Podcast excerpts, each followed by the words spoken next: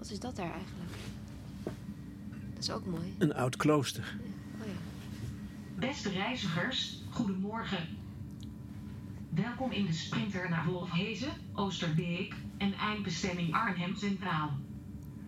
In de trein naar Wolfhezen. We hebben een afspraak met geestelijk verzorger Remco. Daar op dat psychiatrische instituut. Groot complex toch? Ik ben er nog nooit geweest, maar er schijnen al honderd jaar psychiatrische patiënten te worden verzorgd. Aan het spoor. Het is berucht. Ja, is het berucht? Ken je er verhalen over? Ik ken ze Volgens niet. mij is dit zo'n. Wij zitten nu in de trein te wachten eh, richting Arnhem. Is dit zo'n traject waar heel vaak, zoals de NS dan aankondigt, een aanrijding is met een persoon?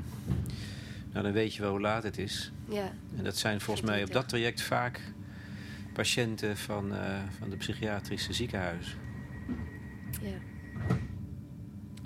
Een gezellige intro, Lex. Het is, het is ook een druilerige dag, Het is Nina. een behoorlijk druilerige dag. Hij als geestelijk verzorger moet daar toch mee te maken hebben. Dus dat is toch een van de vragen, denk ik. Van hoe, hoe gaat hij daarmee om? Wat betekent dat? Eh, het is niet te voorkomen. Ja, ja, ik denk dat we het er vast over zullen hebben.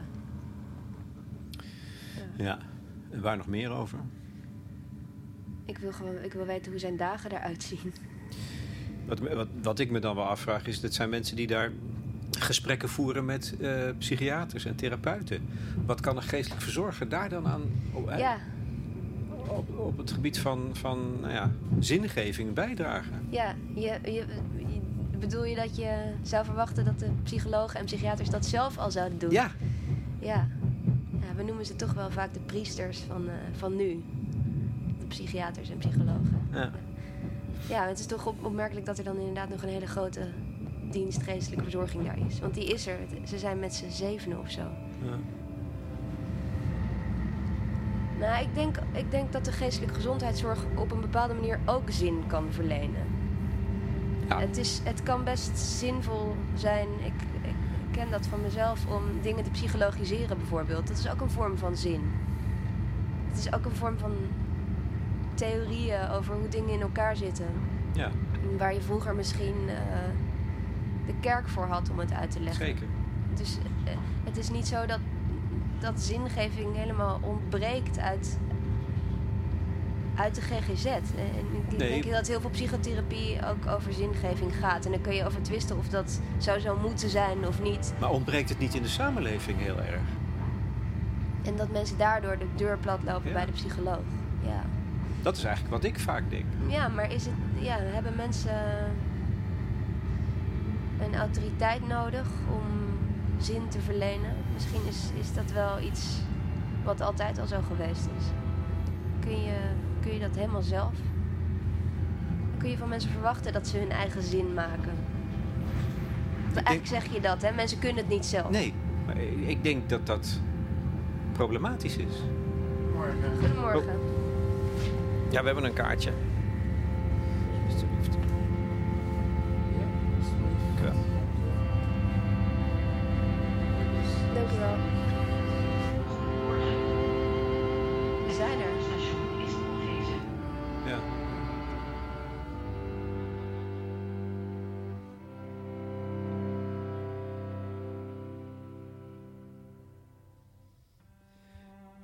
Pro Persona is een grote GGZ-instelling in Wolfhezen. Het terrein is uitgestrekt. Het heeft iets van een dorp met heuse schapen. Overal gebouwen, huisjes, paviljoens. In alle soorten en maten een ratje toe aan stijlen. Sommige staan leeg. We hebben een afspraak met Remco Graat, die samen met zijn collega geestelijk verzorgers resideert in de kerk. Hoe lieflijk zijn uw woningen, o heren der heerscharen, staat er op de gevel. Dit is de tweede aflevering van een serie die wij samen maken, Nina Polak en ik, over geestelijk verzorgers. Sleutelwoord zingeving. Hoe werkt dat in de praktijk? In verschillende werkvelden. Graat is oorspronkelijk opgeleid als journalist. Hij werkte enige tijd voor de Limburger. Na een wereldreis van een jaar begon het te wringen. Hij kreeg steeds meer moeite met de jacht, de competitie. De studie Geestelijke Verzorging aan de Radboud Universiteit in Nijmegen bood uitkomst. We hebben plaatsgenomen in zijn kantoortje. Er is koffie en een eerste vraag. Ik, eh, ik wil weten hoe jouw dag eruit ziet. Doorgaans. Of is Ja. het altijd anders? Het is vaak wel anders. Eh, maar er zitten wel, wel eh, dingen in die vaak hetzelfde zijn. Ehm Eén keer in de week hebben we ook als collega's overleg met elkaar. Of één keer in de twee, in de twee weken, twee keer per maand. Welke collega's zijn het dan? Eh, we zijn met vijf collega's. Ja, we hebben, we hebben, ehm, eh, ik heb, heb een katholieke achtergrond. Twee collega's, Taco en Mariette, een protestantse achtergrond. En Kiki, eh, die heeft een humanistische achtergrond. En nog een imam eh, hebben we voor twee uur of iets meer uur in de week. Oh. En, ehm, maar wij, ja, wij noemen ons geestelijk verzorger. En, om, en we werken op de afdelingen waar we werken op de afdeling en daar zijn wij geestelijk verzorger voor de mensen die dat opgenomen zijn. Als ze katholiek zijn, protestant, andersgelovig, niet gelovig. Eh, dat is de manier waarop, waarop we werken. Dus dan staat onze eigen achtergrond of religieuze achtergrond helemaal niet zo op de, op de voorgrond. We proberen vooral aan te sluiten bij ja, waar mensen zijn. En waar mensen zelf proberen kracht en, eh, uit te onthalen en zin te vinden. En als het dan passend is om iets van onze achtergrond te laten zien, dan, dan doen we dat. Maar ja, ik, ik, ik, introduceer mezelf nooit als pastor. Ik ben katholiek. Ja, ook niet, nee. Als mensen doorvragen wel, ik schaam me er ook niet voor. Maar, eh, maar, maar het, is, ik, ik, het, is nooit hoe ik begin, zeg maar. Want dan, dan, dat, dat legt al te zeer een stempel vaak. Maar ja, dus een overleg. En ehm, dan is er altijd wel wat te doen achter de pc. Maar daar wil ik zo weinig mogelijk achter zitten. Dan ga ik een afdeling op. En daar heb ik of afspraken. Maar geestelijke zorgen kunnen gewoon vrijelijk op een afdeling ook rondbewegen. Ik meld me vaak wel eerst bij verpleegkundigkamer. hey, ik ben er. En zijn er nog bijzonderheden? Mensen waar ik eens naartoe moet. Want zij kennen veel, mensen veel beter dan ik natuurlijk, of dan ons. En dan ga ik de afdeling op, voer, voer gesprekken met mensen. Ik heb ook vaak groepswerk. Eh, elke afdeling, eh, daar hebben we wel een groepsgesprek dat we, dat we doen. Of een ontmoetingsgroep, zoals we het noemen. Ja, en dat zijn groepen die... die, die eh, daar gaan we... Dat, nou ja, dat is altijd, ik, ik bereid wat voor. Maar het is altijd maar de vraag hoe dat gaat lopen dan. Hoe het, het zal lopen, of mensen dat thema... Of het aanspreekt, of dat mensen heel iets anders over willen hebben, dan ga je daarin mee. Want mensen vallen je in de reden. Die vallen mij in de reden. Ja. Ja. of ze vallen in de reden, of het is juist moeilijk om mensen aan het praten te krijgen. Want wat tref je aan op zo'n afdeling? Wat, wat Ja, zie je daar? Want ja het, het, het kan zijn dat het ontzettend stil is, omdat veel mensen of op therapie zijn of op hun kamer, op hun kamer zijn. Het kan ook zijn dat er net wat gebeurd is. Dat je, dat je voelt dat, dat er spanning is of wat onrust. Of dat verpleegkundigen heel erg in de weer zijn met een cliënt. Dat er, dat er wat gaande is. Dus het is altijd weer een beetje afwachten wat je, wat je aantreft. Ik weet nog, toen ik kwam... Ik, ik ben nogal groen in de psychiatrie begonnen. Toen dacht ik, nee, als ik nu op afdeling kom, dan had ik wandvloer of de koekoesnacht achter tafereelen, stelde ik me voor. Veel geschreeuw en, en agressie. Dat valt gelukkig eh, reuze mee. Maar het is altijd even afwachten waar, waar je komt.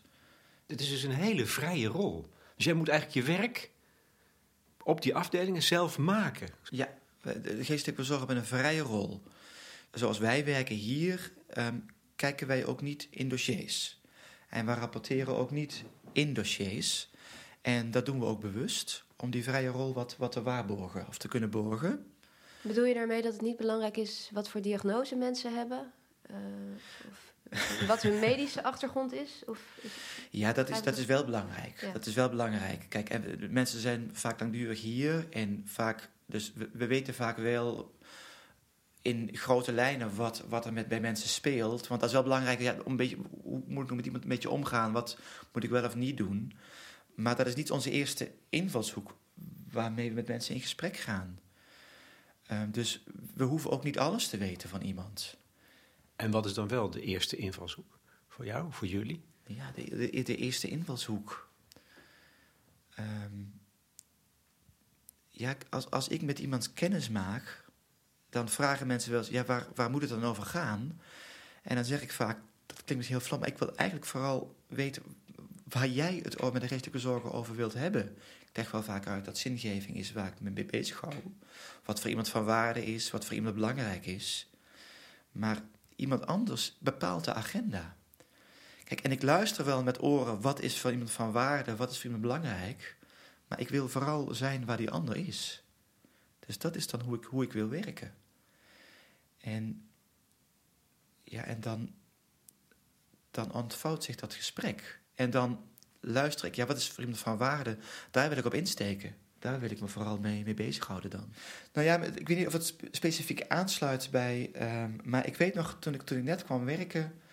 Toen, ehm, toen kreeg ik een telefoontje van... wil je naar naar Braamberg komen, een andere locatie waar ik werk? Daar is een jongen die heeft een suïcidepoging gedaan...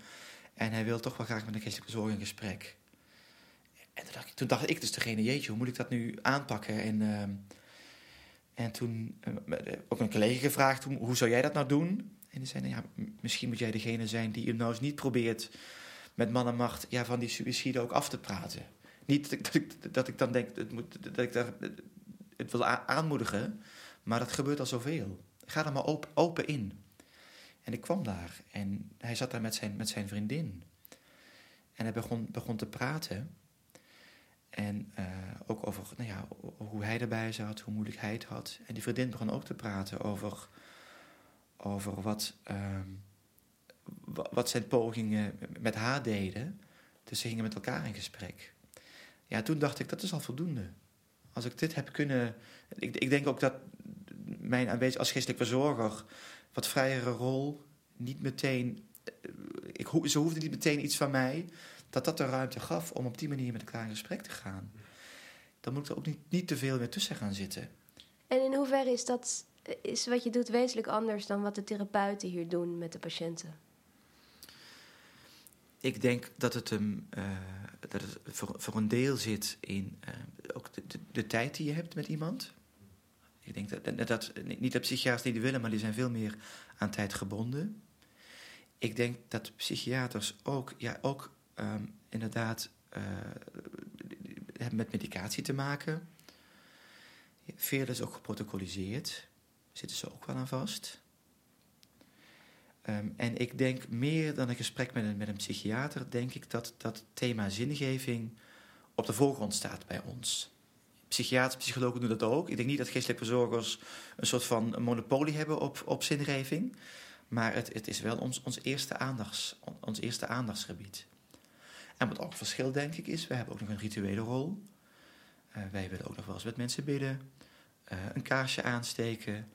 Ehm, rituelen dus als, als vergeving of, of schuld, daar, daar, hebben we, daar hebben we methoden voor. Daar kunnen we met mensen mee aan de gang. Zal een psychiater of een psycholoog ook niet zo heel snel doen, denk ik. Er zijn, neem aan dat hier veel mensen zitten die stemmen horen. Ja.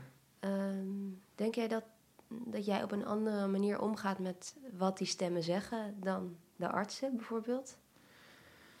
Ik denk, ik denk dat het verschilt per arts. Maar wat ik vermoed is dat er weinig expliciet aandacht is voor de stemmen. Voor wat de stemmen zeggen. Voor de inhoud van die stemmen. Mhm. Ook dat zal wel verschillen hoor. Ik wil ze niet over één kam scheren.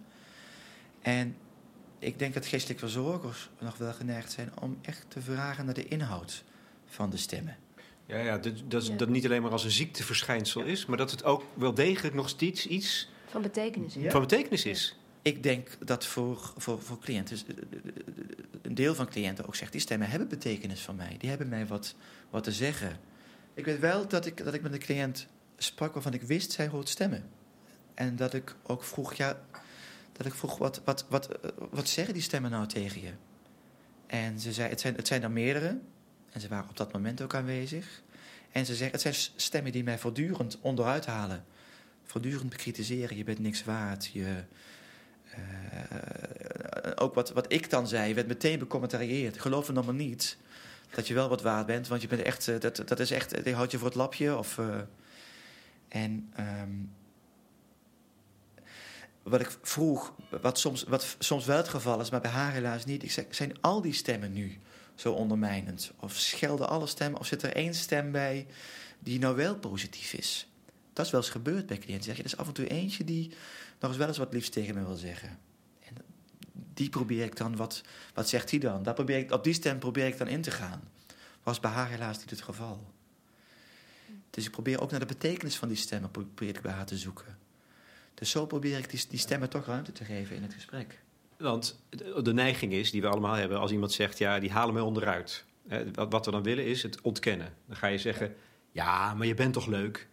En eh, ze hebben ongelijk. Is dat wat, je, wat jij ook doet? Of ga je daar dan juist anders mee om? Nee, nee, ik, doe dat niet met, nee, ik doe dat niet meteen. Want dat gebeurt volgens mij al vaak genoeg. Maar ik verken wel van... van ja, of, niet, hoe, is dat nou, ja, hoe is dat voor jou, Ja. die stemmen? Om die stem voortdurend te horen. Hoe ellendig is dat? En ik vraag wel, geloof je ze ook? En, en soms zegt iemand ja, soms zegt iemand nee. En, ja, en, en, en ik hoop dat... Ja, ik, soms denk ik... probeer ik wel duidelijk te maken dat, dat ik wel geloof in de kwaliteiten van iemand. En in de waarde van iemand. Om dan toch ook maar tegenstem te zijn. Maar, ja, maar niet meteen. En Zijn het bij psychose vaak religieuze stemmen? En maakt dat voor jou iets uit? Het valt mij wel op dat, dat mensen die, die, die, die eh, psychotische belevenissen hebben, dat thema's rondom geloof, God en duivel en goed en kwaad wel een rol spelen. Het zijn ook zulke oersymbolen, God en duivel. Ja. Dus ehm, En dat maakt niet uit of het om jongere mensen gaat of oudere mensen. Je zou zeggen dat is, behoort tot iets van de, van de oudere ik zie generatie. het ook bij jongere mensen terug. Dat dat, Ja. dat toch op een manier terugkeert. Die hele diepe existentiële laag.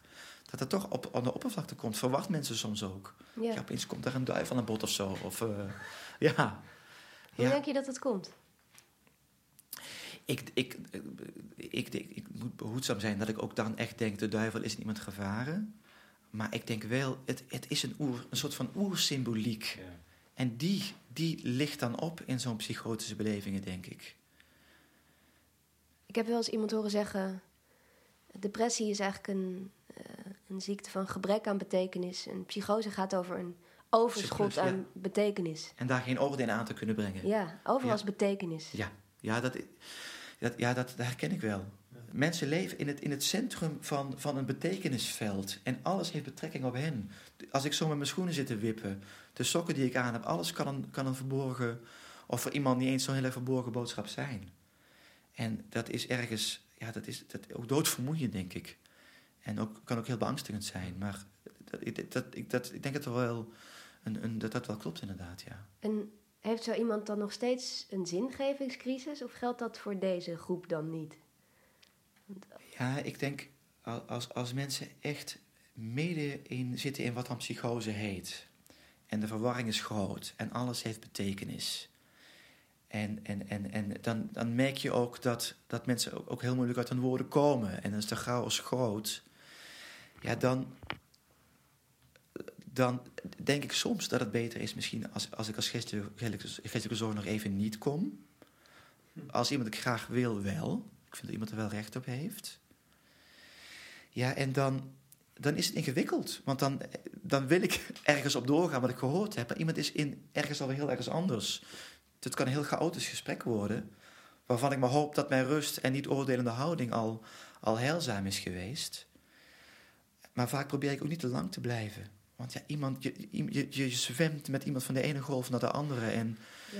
het is doodvermoeiend voor mezelf en voor die ander.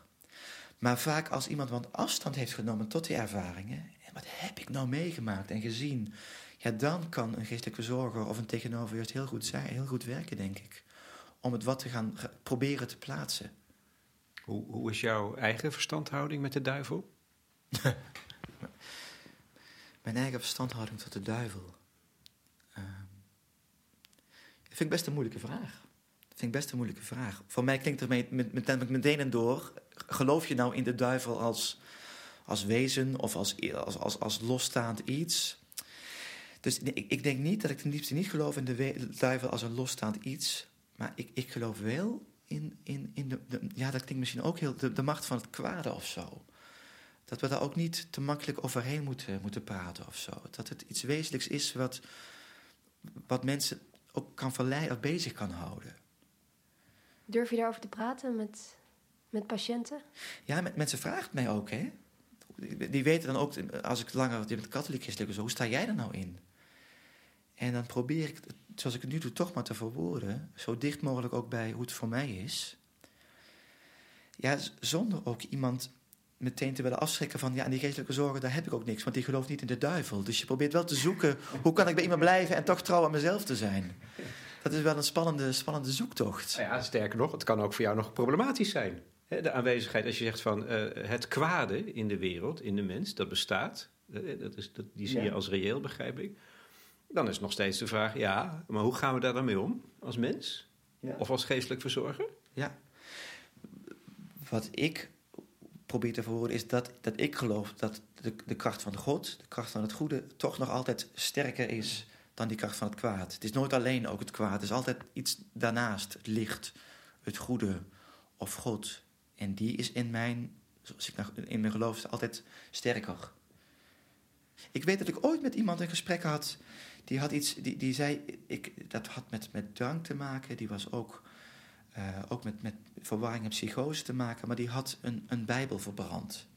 Er was ook iets met, met bloed, met zijn eigen bloed. En hij zei, ik voel me daar ontzettend, ontzettend schuldig over. Maar ik heb ook het idee dat ik, dat ik naar het kwaad toegetrokken ben.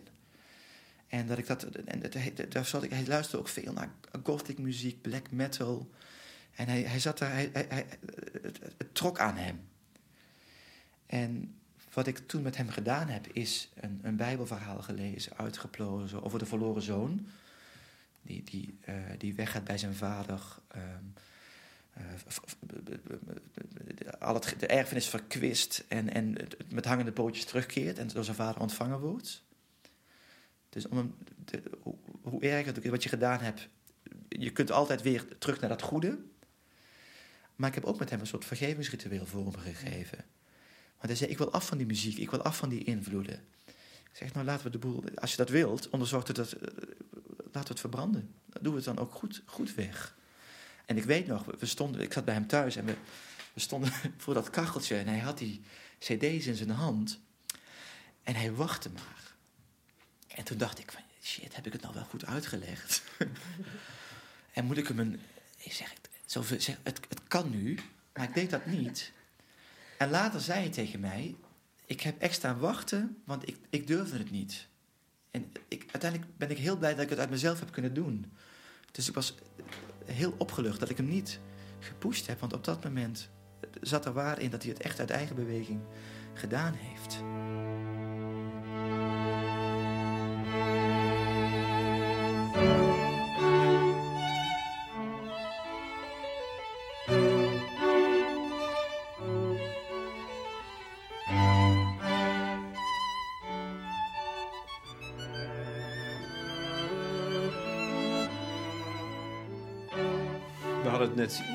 Op weg in de trein, hier naartoe, naar dit trein, eh, over de, het spoor. Het ligt aan het Ja. spoor. Het is een, een, een berucht traject volgens mij. Hier vinden veel suïcidepogingen plaats. Uh, jij zei het zelf al. Het lijkt mij de zwaarste problematiek waar je mee geconfronteerd wordt. Mensen die eh, hun eigen leven willen beëindigen. Ja.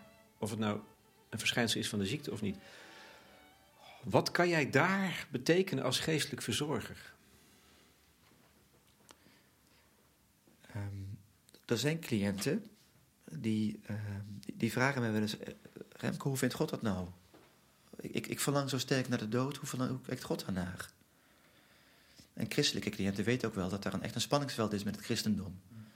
En de wie, wie echt in de orthodoxie staat, die gelooft ook, het, het loopt niet goed met mij af hierna. Ja, en dan heb ik ook geleerd daar wel wat terughoudend in te zijn. Hoe ik daar meestal op probeer te reageren is, is één, dat ik zeg, ik, ik weet het ten diepste niet. Ik ben ook nooit daar geweest, aan de overkant. Ik vraag ook altijd, dat ik, ik vind het een, toch een beetje een tricky vraag die je stelt. Want als ik nu zeg, nou ja, God die zal je met open arm ontvangen. Ik wil je niet nog harder die kant op duwen. Dat check ik, dat check ik ook wel af. En mensen zijn er wel reëel in. Die zeggen, ja nee, maar ik zit er zo mee. Wat ik dan ook zeg, is dat ik zelf, hoe ik ook naar geloof kijk of naar God, dat ik toch denk dat, dat God ten diepste mensen voor het leven geschapen heeft. Maar dat gezegd hebben, dan zeg ik ja, dat ik me ergens ook niet kan voorstellen dat God daarboven mensen die zoveel ellende doorgemaakt hebben, die zoveel wanhoop kennen, eh, dat, dat ze zeggen, ja, ik, ik wil mijn eigen leven beëindigen. Ik weet nog dat ik eh, op de weg ernaartoe dacht, ik, er wordt vaak gezegd, dat zijn egoïstische mensen die dat doen. Ze doen dat inderdaad van egoïsme. Of, of agressiviteit. Agressiviteit. Maar ik, in mijn beleving is, kom ik weinig egoïsme tegen. Maar een oprecht overtuiging, de wereld en mijn naasten zijn beter af zonder mij. Dus wat ik, dat ik ook zeg, ja, ik, kan me toch ook niet voorstellen dat God nog een trap nageeft als, die, als, als iemand dan boven komt. Kan ik me ook niet voorstellen. Maar ik kleed dat wel in, dat antwoord. Ja, en ik geloof niet dat ik mensen van, van, van de daad echt af kan helpen. Ik denk dat niemand dat kan. Kijk, zodra iemand ehm, bij een verpleegkundige of zo dat zien, zich suicidaal uit, ja, dan zit er ook een verantwoordelijkheid bij verpleegkundigen. Dan, dan, dan, moet er ook vaak wat mee. En is ook goed. Bij geestelijke verzorgers is er vaak wel wat meer ruimte. Ook om, om dan te verkennen, ja, wat maak je zo wanhopig? Hoe komt dat nou? En zijn er ergens nog lichtpuntjes te bekennen of niet? Dus iemand krijgt wel de ruimte ja, toch ook om die diepte uit te spreken. Dat is heilzaam, denk ik. Ja, en, en als iemand zich van het leven beroofd heeft, of suïcide gepleegd heeft, ja, dan is er ook nog wel een rol van, voor ons, voor, voor de medewerkers, die dat net zo verschrikkelijk vinden. Het bent nooit. Voor medecliënten die, die verder moeten op een afdeling. Ik stel me zo voor dat hier op dit terrein een soort schokgolfje, golfje of golf ja. voelbaar wordt, voor, eigenlijk voor iedereen dus. Ja, ja, ja, dan verschilt wel. De ene afdeling is wel dat er niet altijd even. dat niet iedereen weet wat er op de afdeling gebeurt. Maar zeker op zo'n afdeling, zo'n behandelgeval, ja, dat is altijd een schokgolf inderdaad. Ja, ja. Gevoel van falen, uh, boosheid, verdriet, schuld. Had ik niet dit, had ik niet dit kunnen zien, kunnen meemaken. Zowel bij medewerkers als bij cliënten hoor. Die hebben er zelf ook heel veel last van. Ook wel, ook wel cliënten die zeggen, ja, hij, hij, hij had de moed. Die, dus ook altijd waakzaam dat anderen het ook gaan doen. Die zeggen, ja, hij heeft het gedurfd. En die hun eigen verlangen weer geraakt worden, wat opgerakeld wordt. Dus er, er gebeurt, het, het, het heeft allerlei schokgolven tot, tot, tot, tot, uh, tot gevolg, inderdaad. Worden jullie er altijd bij geroepen als zoiets gebeurt? Niet altijd, wel vaak. En eigenlijk, volgens mij zit er ook een idee dat als het gebeurt, dat we wel ingeschakeld zouden moeten worden. En tot, tot aan de uitvaart toe, als dat, uh, als dat gewenst is of passend is. Dat doen we dan ook. Als iemand hier graag een uitvaart zou willen. Of herdenkingsmomenten op de afdeling. Dan hebben we ook een rituele rol. Dat we iemand herdenken. En dan kunnen we ook ruimte geven aan dat gevoel van verdriet en schuldgevoel. Dan kunnen daar medewerkers bij aanschuiven en cliënten. Die, nog eens, die daar iets over kunnen zeggen of kunnen uiten. Dus ook daar hebben we weer een rituele rol die we, die we graag invullen. Als dat gewenst is. Is het lijden soms ook wel eens zo groot dat je denkt, als, het gesla als een poging geslaagd is, dat je, dat je daar heel goed vrede mee kunt hebben? In jezelf? Ik, ik, ik kan het me tot op zekere hoogte voorstellen dat iemand die keuze maakt. Maar mag het ook van je? Mag? ik, ik heb nooit het gevoel van, ik, van, van tevredenheid of vrede. Dat snap ik. Ja. Vrede, ja. ja. En ja, ja, mag het ook?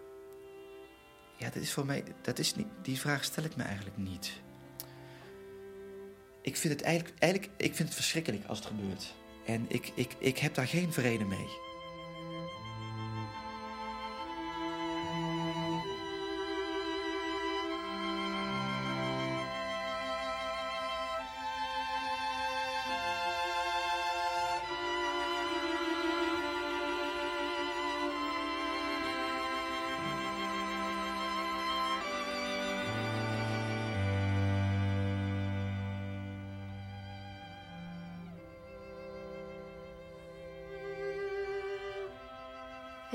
Gebeurt het wel eens dat, je, dat er iemand bij je komt of dat jij bij iemand komt en die zegt: Ik wil eigenlijk heel graag met je praten, ik wil het graag over zingeving hebben, maar ik wil echt niks horen over God of de duivel of wat dan ook wat met religie te maken heeft, want daar heb ik een broertje dood aan. Ja, dat kan. Ja, ja. Mensen weten vaak niet dat ik uh, katholiek christelijk verzorger ben. Als ze het wel weten, zeg ik: Ik wil best wel een gesprek. Maar niet met over God, want daar heb ik niks mee. Ja, dat, dat, dat komt voor dan gooi ik de deur niet dicht. Ja, dit, dat, dat, dan voer ik dat gesprek. En dan laat ik God, uh, dan laat ik God zitten. Ja. En op welk niveau voer je het gesprek dan? Moet je dan echt schakelen naar een ander register? Of hoe praat je over zingeving als je niet over God mag praten? Ja, ja kijk, kijk, zingeving is ook... iemand is, is, is opgenomen en had een goede baan... eh, was, was getrouwd, had, had twee kinderen. En ehm, doordat hij opgenomen is, iemand die bijvoorbeeld ook een bipolaire stoornis heeft, die kan best veel brokken maken. Die zegt, ik ben mijn baan kwijt. De relatie staat onder druk. Eh, en mijn baan en mijn relatie en mijn gezin, dat, dat waren mijn zingevingsbronnen. En misschien raak ik ze wel kwijt, of ik ben ze kwijt. En, dan, en, en, en ik voel me er heel schuldig over. Dus ik kan me dan voorstellen dat ik met iemand zou kunnen verkennen, ja, dat schuldgevoel kan ik me voorstellen, maar je hebt het ook niet eh, gedaan in je normale, wat het normaal is doen. Er zijn wel wat verzachtende omstandigheden, als je het zo mag benoemen. Dus dat je probeert het, de schuld niet weg te nemen, maar iets te verlichten. Je kunt ook kijken, als iemand echt die baan kwijt is, ja, waar, wat, zijn nieuwe, wat zouden nieuwe plekken kunnen zijn om je talent of, of zin te kunnen geven? Of iemand die, die op dat moment zeg maar, nog wel op zo'n afdeling een belangrijke rol vervult, naar andere cliënten toe.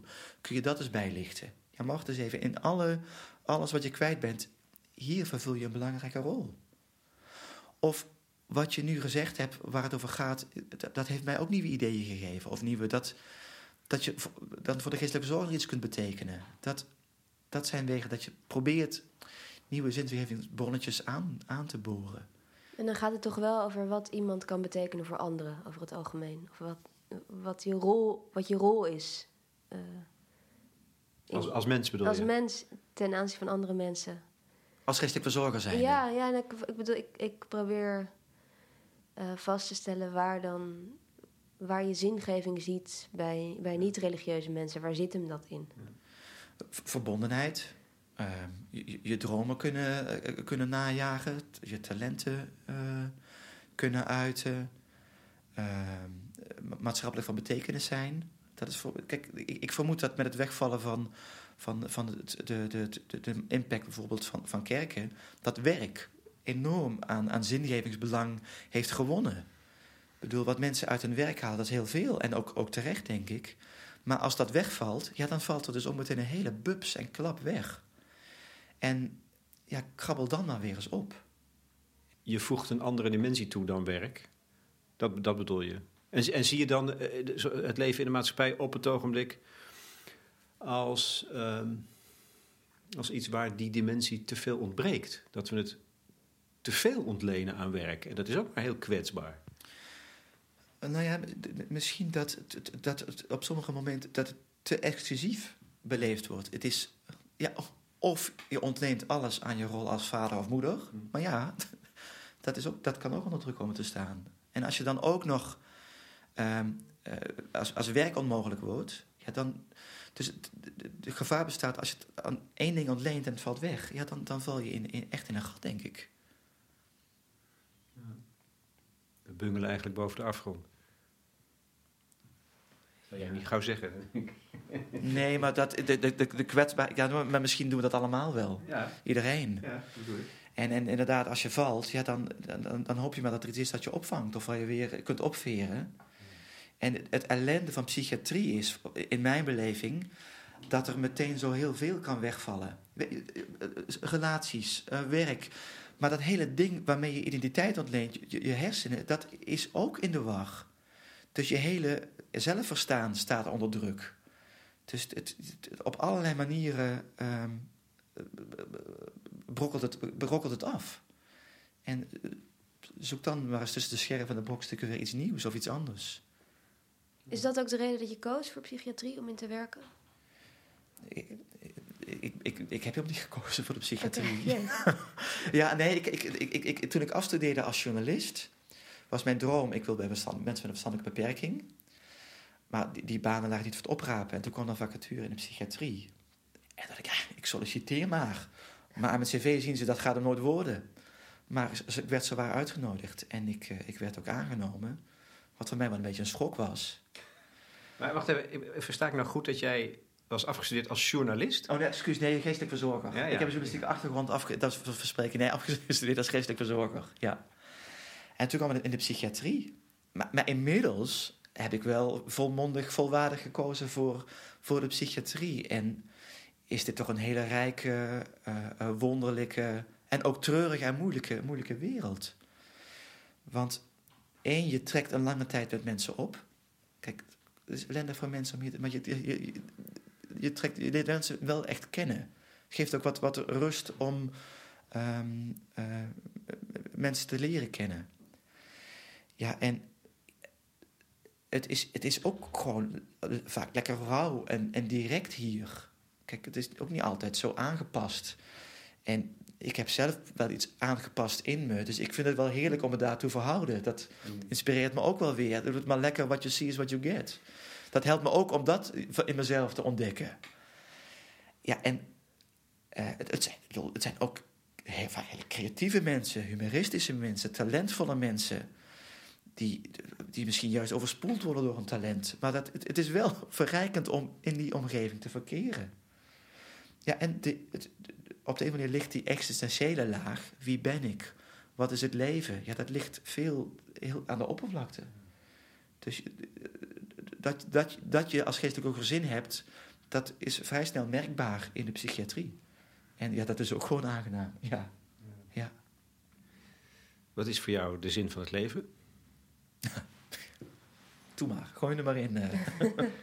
Ik was, al bang, ik was al bang dat Lex, dat Lex hem erin Dat- zou dat ik hem vergat. Ja, nee, nee. Ik wist dat hij ging komen. Ja.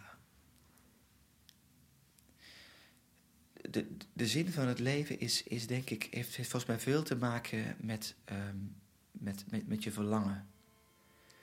Dat je gelegenheid krijgt om, om je verlangen eh, in, in te kleuren. Want ik denk, als je het hebt over hoe je als mens, als je zo mag spreken, bedoeld bent, door iets hogers, door God, dat is, daar durf ik wel over te spreken, dan kun je daar iets herkennen in je, in je verlangen. En ik denk ook dat, dat zin in leven niet te beleven is zonder in verbinding te staan met anderen. Dat denk ik ook.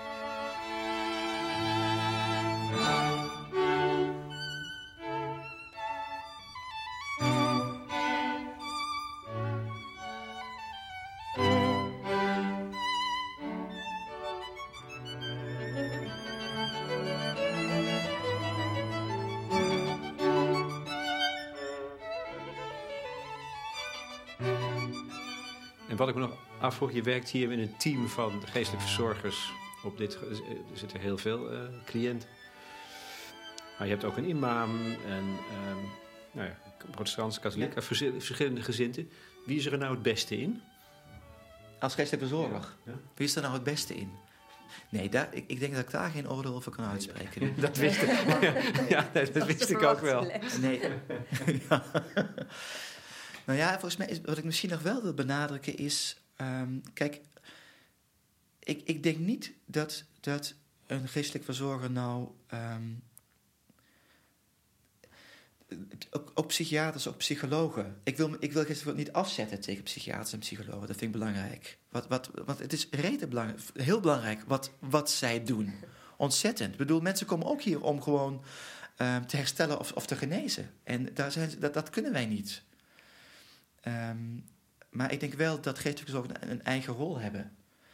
We doen dat met elkaar rondom deze cliënten. Zijn ze blij met jullie, de behandelaars? Ja. je? Ja.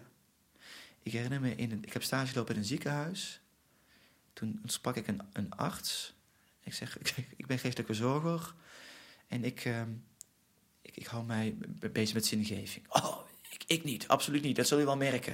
Ik ben, daar- dus, dus die had geen benul van wat geestelijke verzorgers doen.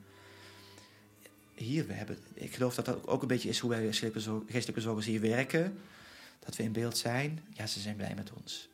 En ze weten wat, wat voor waarde we kunnen hebben voor, eh, voor cliënten. En dat is wel heel fijn. Ja. ja, dat is eh, volgens mij anders dan op andere werkvelden. Dat de psychiatrie meer, meer oog voor is, denk ik.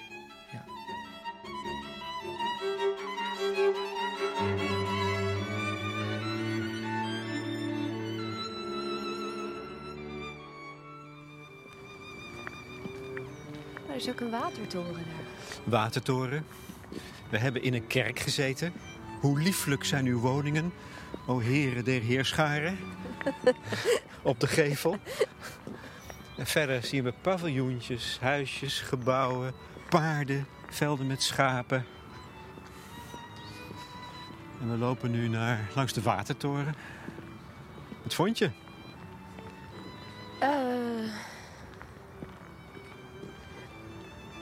Ik vond het een, eh, een mooi gesprek. Ik ook. Ik heb echt be- best wel aan zijn lippen gehangen. Ja. Ik was heel blij. Blij verrast ook. En hoe komt dat? Ja, Eh, nou, ik was blij dat hij concreet kon vertellen over Ja. wat zijn werk inhield. dat je daar een goed zicht op krijgt, hè? Wat het Ja. inhoudt. En zinvol is ook, denk ik. Ja, ik merk bij mezelf wel vaker dat ik, eh, dat ik soms als mensen over God praten, dat me dat een bepaald gevoel oplevert. Positief.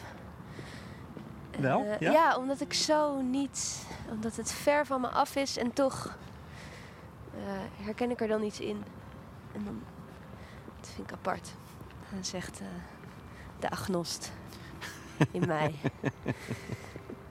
Ja, grappig. Wat is dat daar? Zijn dat bijen? Bijenko- Bijenkorven, ja, Ja. volgens mij wel. Ja, ik blijf daar toch altijd wel moeite mee hebben, ja. Ja. Maar jij hebt de andere achtergrond. Komt Ja. het omdat je vader dominee is? Ja, dat, dat je er niks wel. meer van wil weten? Ja, dat is, ik vind dat lastig, omdat het zoveel Oh, wacht even. We moeten de daar bega- naartoe. begraafplaats is rechts. Begraafplaats? Ja, daar stond een pijltje. Oh ja. Willen we naar de begraafplaats? Nou ja, nee, nee. nog niet. Wat eh, vind je er lastig aan? Het roept ehm, een heel scala aan associaties op. Ja, En vooral vaste betekenis, ja, uitlegkunde. Ja. Ehm, terwijl het, het, het, het- aan de hele andere kant van het spectrum, en, ik denk dat dat is wat jou ook dan raakt, is zit, zit- God veel meer als een kracht of een ehm, beeld voor iets waar ik wel weer veel mee heb. Geloof in mensen of het goede of gewoon het luisterende oor. Waar, hè, ja. hey, hier ligt een stapel fietsen. en hier worden de fi- dit, dit is de fietsenmakerij. ja, Het is hier wel... Ik vind het hier wel enigszins angstaanjagend stil. We zien niemand Er is niemand. in dit eh, verregende park. Doe Wauw, het is mooi, de begraafplaats. Laten we even... Of wil, heb je, vind Ja, is goed, het, is eh, goed, is goed. Vind je het morbide? Nee. Maar wat gaan we er doen? Ja, dit is een mooie, stemmige, donkere begraafplaats. Hier eindigt deze podcast. Het is echt doodeng hier. Nou ja, Je weet toch dat ze ook dat ze vinden dat je te veel over dood en zingeving praat. ik, eh, ja. ja. Ja, maar Kunnen ze krijgen, we eindigen op een begraafplaats. je moet er niet omheen lopen. Nee, nee. Laten we gaan. We gaan.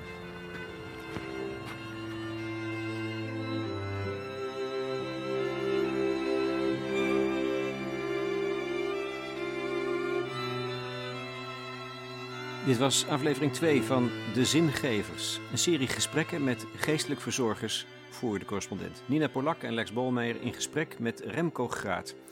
Katholiek geestelijk verzorger bij Pro Persona in Wolfhezen. Wie behoefte heeft om hierover door te praten, kan terecht op ons platform. Remco denkt mee. En wil je praten over zelfdoding of heb je hulp nodig? Neem dan contact op met 113 zelfmoordpreventie. Dat is een 0900 nummer 0900 0113. In de volgende editie zullen wij een kazerne bezoeken voor een gesprek met Gijs van IJsden, majoor van de Koninklijke Landmacht en humanistisch raadsman. Wij melden ons om half acht op de appelplaats. De muziek tenslotte die was van Beethoven uit een van zijn late strijkkwartetten. Heiliger Dankgezang, een soort gebed, geschreven toen hij net hersteld was van een ernstige ziekte.